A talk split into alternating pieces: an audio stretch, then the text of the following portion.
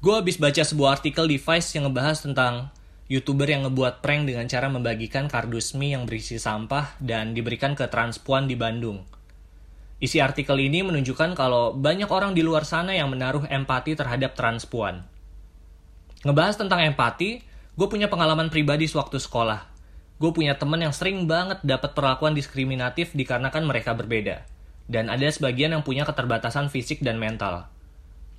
Gue ngelakuin riset kecil-kecilan karena gue penasaran kenapa teman-teman gue ini sering banget dapat perlakuan seperti itu.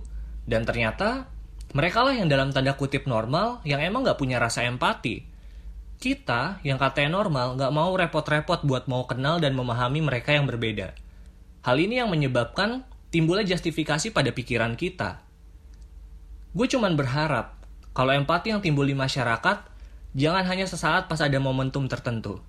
Thank you, gue Zakir Wandi.